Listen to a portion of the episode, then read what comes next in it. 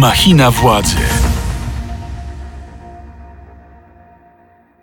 Machina Władzy to podcast Radia Z, w którym staramy się zgłębić meandry świata polityki i życia publicznego, a naszym gościom zadawać takie pytania, których być może nie usłyszeliby w żadnym innym miejscu. Ja nazywam się Mikołaj Pietraszewski i zapraszam na odcinek numer 31, a ze mną jest Joanna Szojring-Wielgus, posłanka Klubu Parlamentarnego Lewica. Dzień dobry pani poseł. Witam, dzień dobry panu i dzień dobry państwu. Chciałbym, żeby pani skomentowała pewną wypowiedź, bo ona się też będzie łączyła jakoś z tematyką naszej dzisiejszej rozmowy. Będziemy rozmawiać też o kościele katolickim. Jak pani skomentuje słowa papieża Franciszka, który mówiąc o możliwych powodach napaści Rosji na Ukrainę, oczywiście tak jak w poprzednich swoich wypowiedziach nie wskazał wprost y, agresora, ale stwierdził, że być może jednym z powodów wybuchu tej wojny było, jest szczekanie pod drzwiami Rosji przez NATO i że ta złość mogła zostać sprowokowana. W sumie mogłabym to skomentować dwojako. Pierwszy komentarz, chciałabym, żeby Kościół nie szczekał przed drzwiami mojej sypialni albo przed drzwiami mojego państwa. Natomiast y, drugi komentarz będzie taki, że mnie ta wypowiedź w ogóle nie zaskoczyła, bo my powinniśmy trochę zmienić e, debatę na temat e, takich sytuacji. Powinniśmy zacząć używać rozumu, mówię tu do słuchaczy i słuchaczek i do nas wszystkich,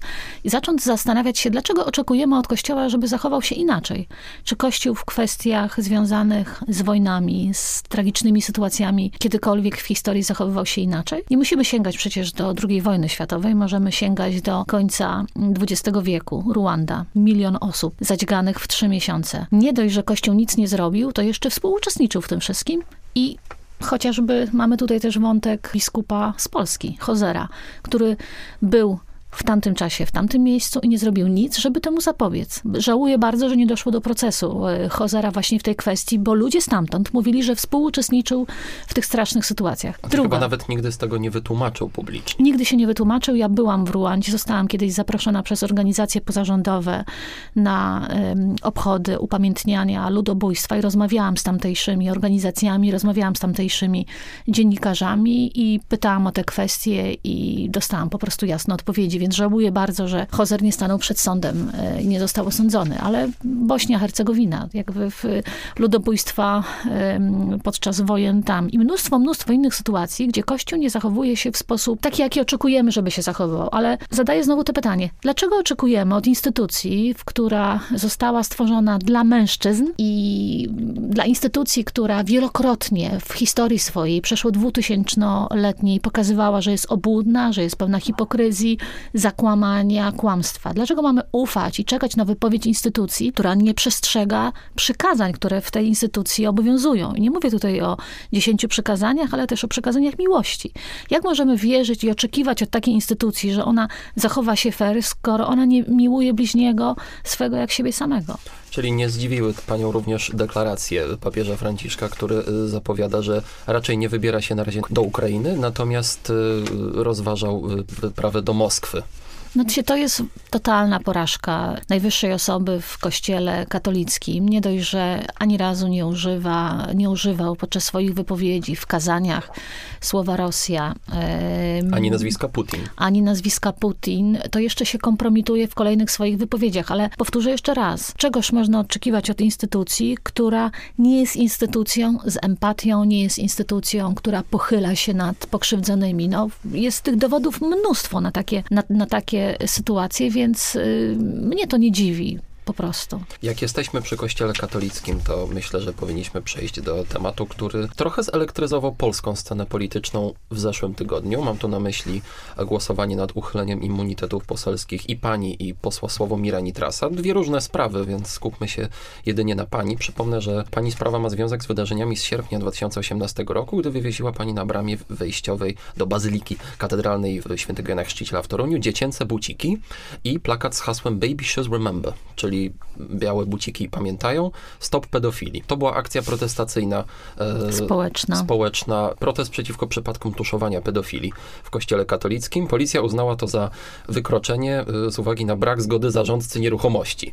I tam jest artykuł 63 zakazujący tak. wieszania w miejscach publicznych ogłoszeń i plakatów. Pani spodziewała się takiego wyniku głosowania? Bo, bo tak... tak... spodziewałam się, mówiłam o tym głośno, dlatego że y, ta strona y, pisowska chciała, abym sama się tego tego immunitetu pozbawiła, żeby nie było debaty w Sejmie i całego tego szumu.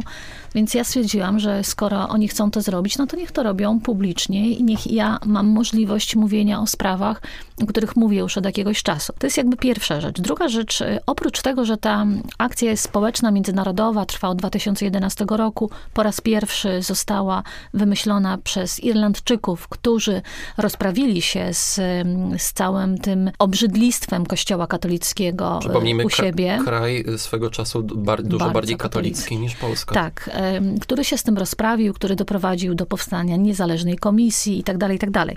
Więc akcja jest społeczna, ale ona ma y, dwa cele. Jeden cel to jest stanięcie po stronie pokrzywdzonych, a drugi cel to jest cel, który ma sprowokować i doprowadzić do sytuacji, że Kościół zacznie e, być e, oczyszczany z całego tego obrzydlistwa, które w tym kościele jest. I to, że to się wydarzyło w Polsce w 2018 roku po raz pierwszy, bo te akcje są powtarzane regularnie, nie tylko przecież w Toruniu, ale w wielu miastach w całej Polsce, to jednak świadczy o pewnym takim, y, zmiana jest wahadła w myśleniu o Kościele. Oczywiście ten proces jest powolny, tak, ale ludzie zaczynają zauważać te wszystkie straszne rzeczy, które w środku się tam dzieją. W tej instytucji, w których regułach zostaliśmy wychowani, tak, y, i patrzą na to, właśnie używają tego rozumu i zaczynają się zastanawiać, no ale słuchajcie, ale coś jest chyba nie tak. Jeżeli w kościele są przestępcy, to po pierwsze powinni stanąć przed sądem i odpowiadać przed sądem jak każdy z nas, bo wszyscy jesteśmy równi wobec prawa.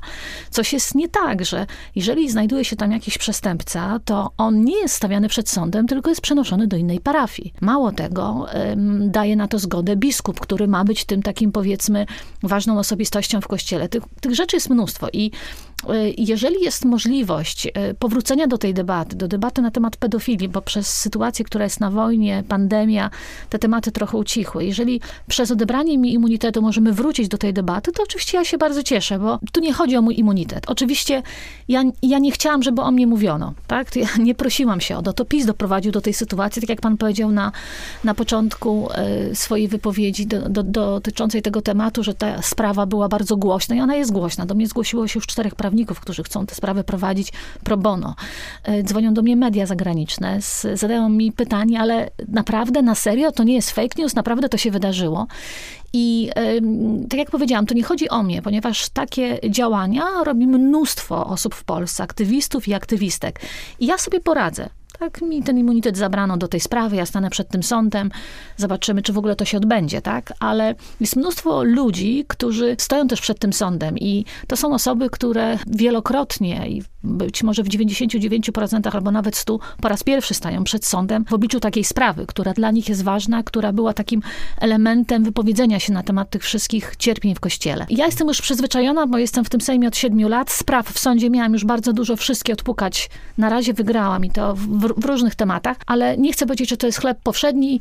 Wiem po prostu, jak to się odbywa i tak dalej. Dla osoby, która która po prostu stwierdza, że coś jest nie tak i chce wyrazić swój sprzeciw poprzez społeczną akcję w milczeniu, bo te akcje wszystkie są w milczeniu. To nie jest tak, że to jest jakiś happening, gra muzyka, ktoś śpiewa i tak dalej. To jest taki protest w milczeniu, taki bardzo spokojny i nagle ta osoba staje przed sądem i musi tłumaczyć się z tego, dlaczego stoi po stronie y, pokrzywdzonych, a nie po stronie sprawców. I No. to jest, myślę, trauma, dlatego powinniśmy też mówić o tych osobach. Ja też deklaruję ze swojej strony, że jeżeli są jeszcze takie osoby, które mają takie sprawy i będą y, stawały przed sądem właśnie w takich kwestiach, to ja po prostu pomogę prawniczo, tak? Bo mówię, tak ja sobie poradzę, ale te osoby mogą sobie po prostu nie poradzić, to też może być jakieś dla, dla nich trauma. Rozumiem, że proces będzie jawny.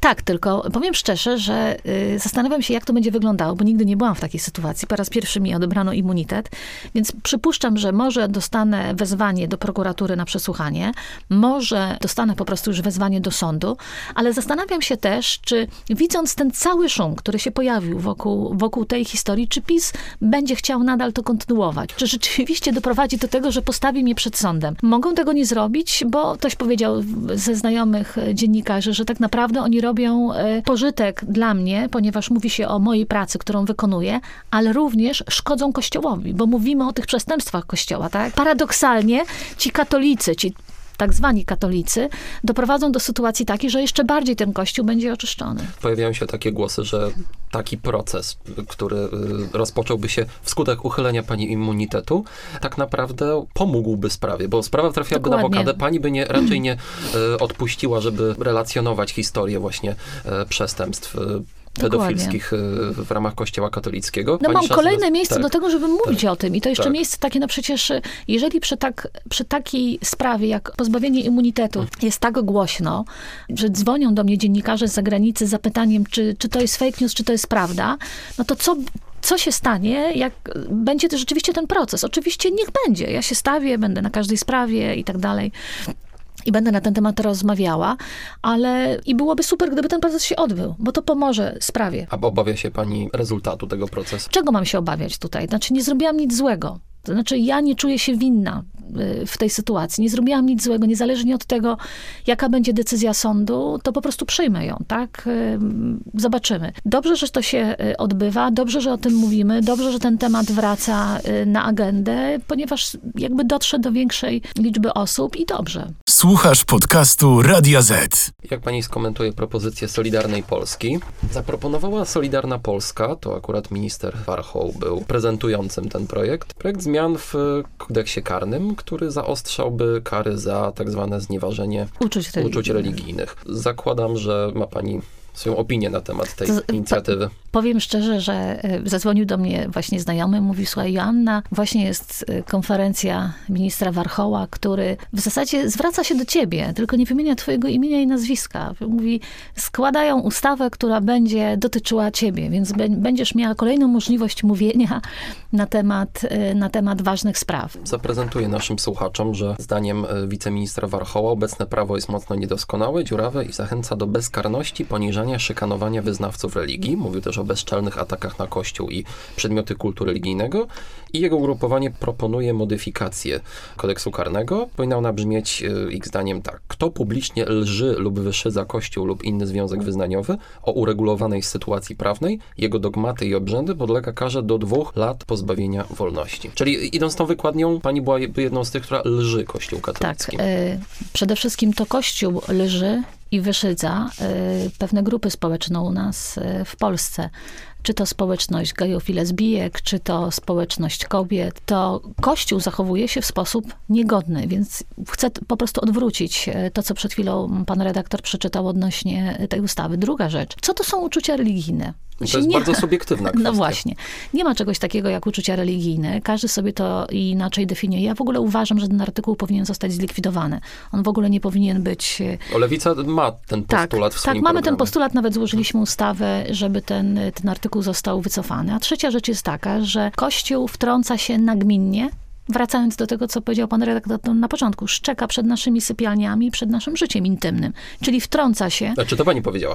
tak. używając Tak. słów e, papieża Franciszka, czyli wtrąca się w nasze życie intymne i chce decydować za nasze życie intymne. I e, po fatalnym wyroku e, Trybunału Konstytucyjnego Julii Przyłębskiej, mnóstwo osób zdecydowało się sprzeciwić temu wyrokowi, który zapadł, czyli, czyli wyrokowi, który nie daje możliwości wykonania aborcji, wręcz e, zaostrza prawo aborcyjne. Ja wzięłam udział w, w akcji Słowo na niedzielę. Wspólnie z moim mężem weszliśmy e, do kościoła z e, kartkami. Mm, Ja chyba miałam tek, na, tekturowy, mój mąż tak samo, z, z takim sprzeciwem wobec wtrącania się kościoła w nasze życie.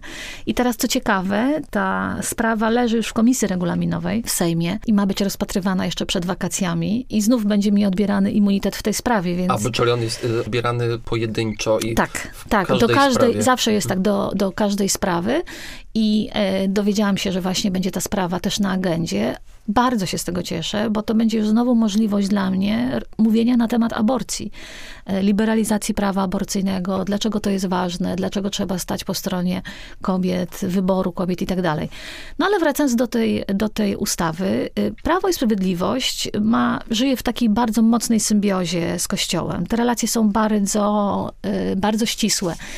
I zastanawiając się nad tym, dlaczego w ogóle e, PiS odebrał ten immunitet, doprowadził do tego, że mówimy, że to jest mój kolejny wywiad na temat pedofilii, zaczęłam się zastanawiać, po co oni to zrobili. Jakby generalnie zrobili dobrze dla sprawy, dobrze dla mnie, ponieważ mogę e, o tym mówić, ale dlaczego w tym momencie? I wydaje mi się, że jedynym wytłumaczeniem tej sytuacji jest kwestia tego, co się dzieje w samym tym tak zwanym zjednoczonym obozie, zjednoczonej prawicy. U nich jest przeciąganie liny pomiędzy Kaczyńskim a ziobrystami. Są skłóceni na maksa. Jest mnóstwo afer ujawnianych y, ze środka y, władzy. Sam Ziobro nawet przyznawał w jednej z wypowiedzi, że przygotowują wariant samodzielnego startu w wyborach. Dokładnie. I teraz y, z takich ciekawostek kuluarowych mogę powiedzieć, że jak rozpoczęła się wojna na, w Ukrainie, to PiS miał taki niecny plan, aby 21 maja odbyły się przyspieszone wybory. Na Był jakiej, taki plan. A na jakiej podstawie? Na podstawie tego chociażby, że wprowadzą pod obrady ustawę na temat obronności Polski i ustawę odnośnie pomocy dla Ukrainy z jakimiś tam powiedzmy dziwnymi zapisami, takimi kompletnie niepotrzebnymi. Opozycja będzie się burzyła, więc oni wtedy powiedzą, to my tu jesteśmy poważni. Jak widzicie, opozycja się burzy, nie potrafi współpracować, więc y, im szybciej zrobimy wybory, tym lepiej Chodzi w ogóle o, o, dla chodzi, sytuacji. Rozumiem, że tak. chodziło po prostu o tak zwane odnowienie mandatu. Dokładnie. Że w czasach wojennych należy wybrać stabilny rząd. Dokładnie. I PiS Ale- chciał ja- to zrobić. I chciał to zrobić, e, ale z tego zrezygnował, dlatego że opozycja w, akurat w, tych, w kwestii tych dwóch e, ustaw współpracowała z rządem i popieraliśmy te rzeczy. Ale wracam do e, tego wątku, o którym powiedziałam wcześniej. Dlaczego PiS wyciąga takie sprawy, jak na przykład e, kwestia kościoła i mojego immunitetu, dlatego że chce scalić swój elektorat. Jak spojrzy się na elektorat, na wyborców i i wyborczynie Prawa i Sprawiedliwości, to są ludzie 60+, plus, to są ludzie wierzący, tak? To są ludzie, którzy, mało tego, Prawo i Sprawiedliwość jest właśnie tą, tą partią, która korzysta z dobrodziejstw Kościoła i w trakcie wyborów, przecież na płotach kościołów mamy banery wyborcze, to Kościół agituje w, podczas kazań na to, żeby, żeby głosować na daną partię, to Kościół też agituje, zbierając podpisy pod tymi wszystkimi strasznymi, według mnie, ustawami dotyczącymi e, praw kobiet. I teraz PiS chce scalić ten elektorat, ponieważ sypie mu się tak zwany zjednoczony mm, obóz, chce scalić siebie, żeby mieć ten mitologiczny elektorat, z którym mógłby pójść do wyborów, wywalając Ziobrę. To jest takie jakby scalenie tego kręgosłupa i wymyślenie na nowo, co zrobić, aby mieć większość. I No tak, bo Solidarna Polska uchodziła zawsze za ten najbardziej radykalnie przesunięty na prawo I teraz element jest też, Prawicy. I teraz jest inny el- element niezwiązany na przykład z moim immunitetem. To kwestia tego y, fatalnego nieraportu Macierewicza. On został zrobiony w sierpniu. On też nieprzypadkowo pojawił się teraz. On właśnie pojawił się w tej sytuacji, w której Prawo i Sprawiedliwość y, znajduje się w takiej no, złej sytuacji, jeżeli chodzi y, o sytuację polityczną. Więc są wyciągane takie rzeczy, które mają scalić ten taki korowy elektorat Prawa i Sprawiedliwości i doprowadzić do tego, aby on był jeszcze bardziej scalony, a później znaleźć sposób na to, aby być może kogoś jeszcze, y, kogoś jeszcze przekonać, y, na przykład jakimiś kolejnymi pieniędzmi dla kolejnych grup wyborców, żeby wygrać kolejne wybory. Słuchasz podcastu Radia Z. Jak już jesteśmy przy kuluarach parlamentarnych, to przejdziemy do wątku wyboru nowego, być może starego prezesa Narodowego Banku Polskiego. Znów przesunęło się głosowanie. Na ten moment e, zaplanowano je na posiedzenie, które ma się odbyć 11-12 maja.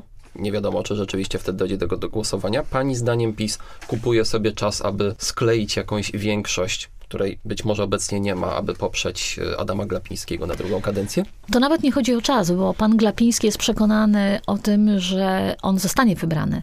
Bo jemu się Więc- kadencja, przypomnijmy, kończy w lipcu. Tak, więc, więc, on jest się przekonany, on jest przekonany. To jest w ogóle facet, który ma w sobie bardzo dużo pychy. To znaczy, ja jak go słucham, to z jednej strony Y, Nie bez powodu mówią o nim jastrząb. on sam o sobie tak mówi. To jest facet, który ma pełno pychy w sobie i ja jak go słucham, to nie wiem, czy śmiać się, czy płakać. Naprawdę, te jego konferencje nadają się na stand-upy. To, to nie są konferencje poważnego człowieka, który wie, jak zarządzać finansami e, państwa.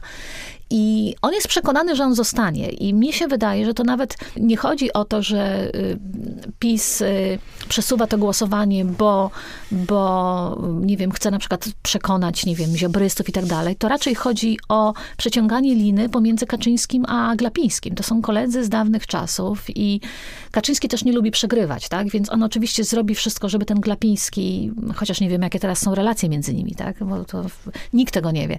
Ale prawdopodobnie Kaczyński będzie chciał zrobić doprowadzić do takiej sytuacji, żeby ten Glapiński został, a ja niekoniecznie w to wierzę. Wydaje mi się, że mają bardzo duży problem, bo i, i też niekoniecznie wierzę w to, że to głosowanie będzie w przyszłym tygodniu podczas posiedzenia Sejmu. Może to być też problem wizerunkowy, o czym y, y, nieoficjalnie informowały media, że Andrzej Duda, który jeszcze w styczniu popierał kandydaturę Adama Glapińskiego, teraz ma dużo więcej wątpliwości z uwagi na rosnącą inflację, drożyznę, ale też właśnie z uwagi na retorykę, jaką pan No tak, ale też Andrzej. Duda być może będzie chciał wykorzystać swoje, e, swoją sytuację, w której się on znalazł, bo jednak jest odbierany przez większość społeczeństwa jako prezydent, który radzi sobie podczas e, konfliktu e, w Ukrainie. Chociaż ja nie wierzę w jakieś jego odnowienie, to, że stał się nagle niezależny i tak dalej. Nie wierzę w takie rzeczy. Natomiast być może będzie chciał wykorzystać tę sytuację na jakiś tam powiedzmy dla siebie, ale... Zwłaszcza, że nie wisi nad nim już miecz Damoklesa w postaci walki o kolejną Kolej- kadencję. Dokładnie, ale mnie się wydaje, że to nie jest taka osoba, nie? To znaczy Duda miał wielokrotnie dużo szans na to, żeby pokazać się jako niezależny i mógłby y, jakby podejmować inne decyzje, ale nigdy nie pokazał się z tej strony takiej y, powiedzmy waleczności i decyzyjności. To znaczy Chyba, że nigdy. mówimy o Lex TVN. Ale panie redaktorze, no bądźmy też y, tak na serio. No przecież to nie była jego decyzja. To była decyzja Amerykanów. Myślę, że zostali, że Duda został postawiony w szachu przez Amerykanów i przez Bidena. I być może kiedyś historia opisze tę sytuację. Więc podjął taką decyzję dlatego, ponieważ coś musi robić po tej prezydenturze. Więc może się okazać za kilka lat, że gdzieś jakieś stanowisko w strukturach międzynarodowych na niego czeka. A jeszcze nie jest człowiekiem w wieku emerytalnym, więc jest- w ogóle w moim, mój rocznik, y, ale jestem od niego starsza chyba o trzy miesiące. rocznik 72. Tak, no Jak, ja- prez, jak prezydent Warszawy Rafał Trzaskowski. tak, jesteśmy ten sam rocznik wszyscy. Wracając jednak do Glapińskiego, który jest o pokolenie starszy, wiemy wszyscy Mhm. tutaj, i politycy i dziennikarze, że PiS próbuje łowić posłów e, także opozycji, którzy mogliby poprzeć e, Glapińskiego. Wiemy, że tam są też podchody wobec kukizowców, wokół konfederatów, też wokół lewicy. O tym też Pierwsze słyszę, ale A to o tym informował chociażby nasz redakcyjny kolega Mariusz Gierszewski, ale też Agnieszka Burzyńska z Faktów w podcaście Stan po burzy.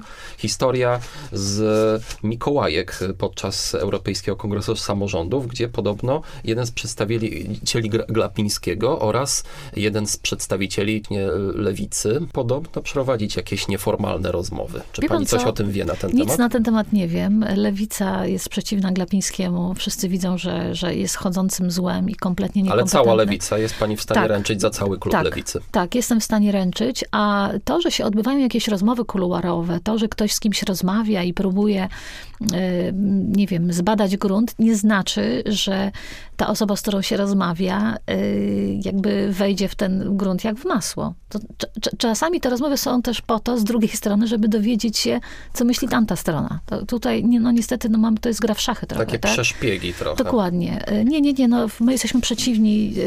Glapiński naprawdę jest emanacją w ogóle niekompetencji. To jest facet, który przecież wmawiał ludziom, że nie będzie inflacji. Ten człowiek w ogóle nie przewidział, a powinien przewidzieć e, sytuację gospodarczą, finansową na kilka miesięcy do przodu, nawet e, dwa lata do przodu, żeby wiedzieć, jaką strategię podjąć, bo to, że ta inflacja będzie trochę wyższa, to można było przewidzieć, ale trzeba było nas przygotować. Przecież mnóstwo ludzi w zeszłym roku wzięło na przykład kredyty na mieszkania. No, zostali po prostu oszukani, no bo Bank, Narodowy Bank Polski mówił, że przecież nie ma żadnego problemu, wszystko jest okej, tak? W ogóle naprawdę. I y, taka osoba, jeszcze mamy przecież mnóstwo y, innych informacji na temat pana Glapińskiego odnośnie jego zarobków, tak? Y, odnośnie osób, które są wokół niego. Y, Przecież mm, już teraz nie pamiętam, te panie, które, które z nim współpracują, też zarabiają jakieś niebotyczne pieniądze, też nie są y, kompetentne, więc ten Glapiński nie jest czystą osobą, ale jest, myślę, osobą Jarosława Kaczyńskiego. Jarosław Kaczyński będzie chciał go zatrzymać. Czy mu się to uda? Wątpię. A ma pani jakiegoś swojego faworyta albo Nie. środowisko lewicy? Czy ciężko w ogóle mówić w takiej sytuacji o jakiejś Wie pan co, to w konkurencji ogóle, czy to w rywalizacji? ogóle, to znaczy,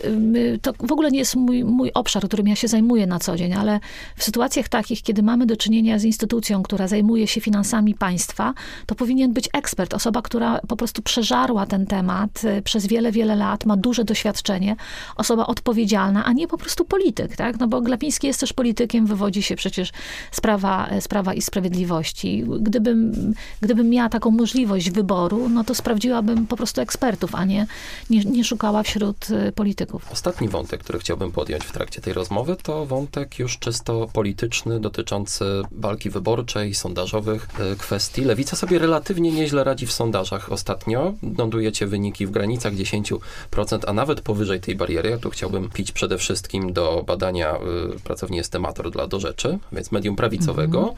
w którym mieliście 11% i wyprzedziliście Polskę 2050 Szymona Hołowni, Mhm. z czego wynikają te niezłe e, rezultaty lewicy w ostatnich badaniach. Ja z wykształcenia jestem socjolożką, więc y, bardzo lubię analizować trendy i w ogóle cała ta y, tematyka bardzo mnie żywo interesuje. Ja myślałam, że y, to wejście nasze na podium będzie gdzieś tak czerwiec, lipiec, więc cieszę się, że A czyli przewidywaliście Tak. to? Y, Powiem teraz dlaczego. Dlatego, że my mieliśmy bardzo trudny zeszły rok, ponieważ łączyliśmy wiosnę z, z SLD w nową lewicę. Było mnóstwo y, perturbacji, przetasowań. Niektóre osoby odchodziły, niektóre były ym, wywalane z partii, ale generalnie robiliśmy takie porządki. Był też Takie po ro- prostu- rozłam w, w ramach parlamentu. Tak, ale, ale, ale po prostu robiliśmy porządki, czyli zostały tak naprawdę te osoby, które, e, które są lojalne, które pracują na, na lewicy, które mają takie same poglądy jak my, które chcą, aby poglądy lewicowe i lewica była w Polsce siłą. A lojalne robi- wobec kogo?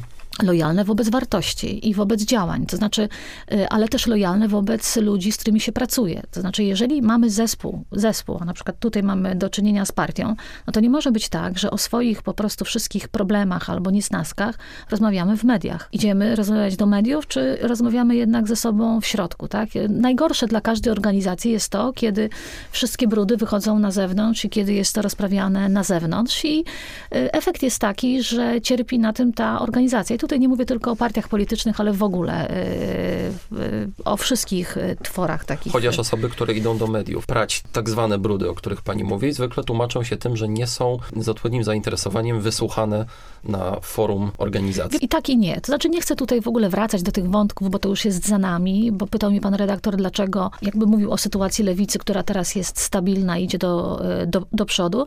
Po prostu czasami tak jest, że niektórym osobom się coś podoba, a innym się nie podoba. Niektóre chcą rozmawiać wewnątrz i rozprawiać i na czynniki pierwsze sytuacje konfliktowe, a inne tego nie chcą robić i wychodzą na zewnątrz, bo myślą, że może coś ugrają na zewnątrz, wykonując e, taki ruch. Natomiast my skupiliśmy się na tym, aby pokazywać co jakiś czas, bo lewicy jest trochę trudniej w Polsce, tak? My nie mamy zaprzyjaźnionych, e, liberalnych mediów, dziennikarzy. Jesteśmy naprawdę osamotnieni, więc musimy wykonywać e, inne rzeczy. Czyli skupiliśmy się na tym, aby krok po kroku przekazywać wizję lewicy, jaką mamy na Polskę po Prawie i Sprawiedliwości. Organizujemy różne konwencje, pokazujemy ustawy. Zresztą, panie redaktorze, nie wiem, czy pan wie, ale Lewica jest najbardziej pracowitym klubem w Sejmie. My składamy najwięcej ustaw, najwięcej uchwał. My mamy najbardziej aktywnych e, posłów i posłanki. To jest w statystykach sejmowych, więc jakby wykonujemy tę robotę. Mamy pakiet naprawdę, przeszło już chyba 120 czy 130 ustaw, które są gotowymi,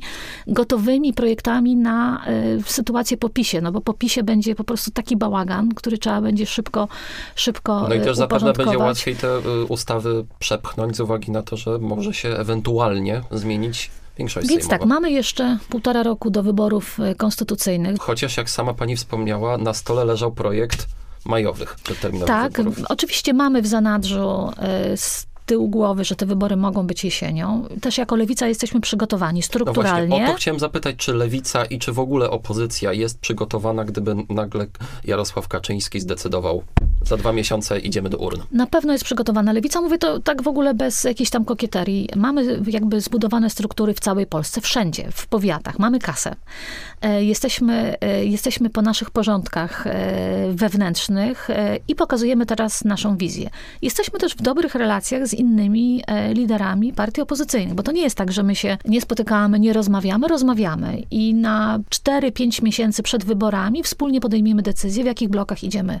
To będzie na pewno najkorzystniejsze rozwiązanie, które doprowadzi do tego, że wygramy z PiSem. A pani zdaniem powinna być to jedna lista, dwa, trzy bloki, każdy oddzielnie.